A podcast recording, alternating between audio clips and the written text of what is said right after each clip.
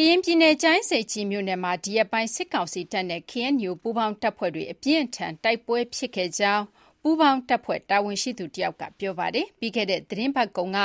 ၂ ရက်ဆက်တိုက်ဖြစ်ခဲ့တဲ့ တိုက်ပွဲအတွင်း စစ်ကောင်စီတပ်ဖွဲ့ဝင်တချို့ကို ဖမ်းဆီးရမိကြောင်းလည်း ပြောဆိုထားပေမယ့် သီးခြားအတည်ပြုလို့တော့ မရသေးပါဘူး။အပြည့်အစုံကိုတော့ ဆက်သွယ်စုံစမ်းထားတဲ့ ဗွီအိုအေ မြန်မာပိုင်းသတင်းထောက် မအေးအေးမာ က ပြောပြပေးပါမယ်။ KNU ကရင်အမျိုးသားအစည်းအရုံး တပ်မဟာနယ်မြေ ကြာအင်းဆိပ်ကြီးမြို့နယ်ထဲမှာ ကရင်အမျိုးသားလွတ်မြောက်ရေးတပ် KNLA တပ်ရင်း ၁၇ နဲ့ PDF ပူးပေါင်းတပ်ဖွဲ့တွေဟာ စစ်ကောင်စီရဲ့ ခမရ ၃၅၈ နဲ့ အောက်တိုဘာလ ၁၆ ရက်နေ့က တိုက်ပွဲတွေ ပြင်းပြင်းထန်ထန်ဖြစ်ခဲ့ပြီး လက်နက်တွေနဲ့ စစ်သုံ့ပန်း ၁၆ ဦးကို ဖမ်းမိခဲ့တယ်လို့ ပူးပေါင်းတပ်ဖွဲ့တွေဘက်က ဆိုပါတယ်။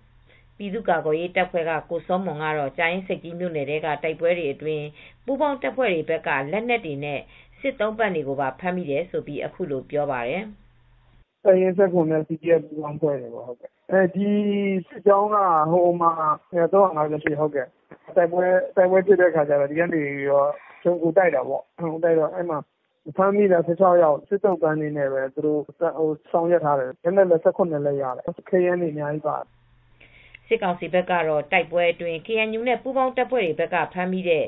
စစ်ကောင်စီတပ်သားတွေရဲ့ အခြေအနေတွေ စစ်လက်နက်ဆုံးရှုံးမှုတွေကိုတော့ဘာမှထုတ်ဖော်ပြောဆိုတာမရှိသေးပါဘူး။ဒဏ်ရာရရှိထားတဲ့စစ်ကောင်စီတပ်သားစစ်သုံ့ပန်းတွေကိုတော့ပူးပေါင်းတပ်ဖွဲ့တွေဘက်ကဆေးဝါးကုသမှုတွေလုပ်ပေးနေတယ်လို့လည်းပြောပါတယ်။"စစ်သုံ့ပန်းတွေနဲ့သူတို့ကိုဘာမှမလုပ်ဘူး။လိုအပ်တဲ့ဒဏ်ရာရတဲ့ရဲဘော်တွေကိုလည်းဆေးဝါးကုသပေးတယ်။"ကြာအင်းဆိပ်ကြီးမြို့နယ်ထဲကကြာအင်းရွာနဲ့သူဌေးရွာတွေမှာအောက်တိုဘာလ၁၆ရက်နေ့တနေ့လုံးနီးပါးတိုက်ပွဲတွေဖြစ်ခဲ့ပြီး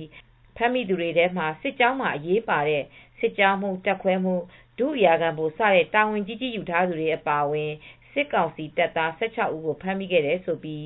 ရင်အမျိုးသား လွတ်မြောက်ရေးတပ်နဲ့ ပူးပေါင်းတပ်ဖွဲ့တွေဘက်ကပြောပါတယ်။အလားတူ အောက်တိုဘာလ ၁၆ ရက်နေ့မှာပဲ ခလရ ၃၂ တပ်ရင်းနဲ့ KNLA /PDF ပူးပေါင်းထားတဲ့ နဂါးနီစစ်ကြောင်းတို့တိုက်ပွဲတွေ ဖြစ်ခဲ့ပြီး စစ်ကောင်စီတပ်ရင်းဘက်က တာဝန်ရှိသူနှစ်ဦး ကျဆုံးသွားခဲ့တယ်လို့ပူးပေါင်းတပ်ဖွဲ့တွေဘက်က ပြောပါတယ်။အခုတိုက်ပွဲမှာလည်း စစ်ကောင်စီတပ်သား ၆ ဦး ကျဆုံးခဲ့တယ်လို့ပြောပါတယ်။ကျဆုံးဒဏ်ရာရသူတွေနဲ့ ပတ်သက်လို့တော့ VOA က သီးခြားအတည်မပြုနိုင်သေးပါဘူး။ကရင်ပြည်နယ်ထဲမှာ စစ်ကောင်စီဘက်က တပ်သားတွေကို ကရင်အမျိုးသားလွတ်မြောက်ရေးတပ်ဘက်က မကြာခဏ ဖမ်းမိတာတွေရှိသလို ပူးပေါင်းတပ်ဖွဲ့တွေထံကို အညံ့ခံပူးပေါင်းလာတာတွေလည်းရှိတာကြောင့် KNU ဘက်ကတော့ သူတို့ကို ကောင်းမွန်စွာ ထားရှိကြောင်းကိုပဲ ပြောဆိုခဲ့ပါတယ်ရှင်။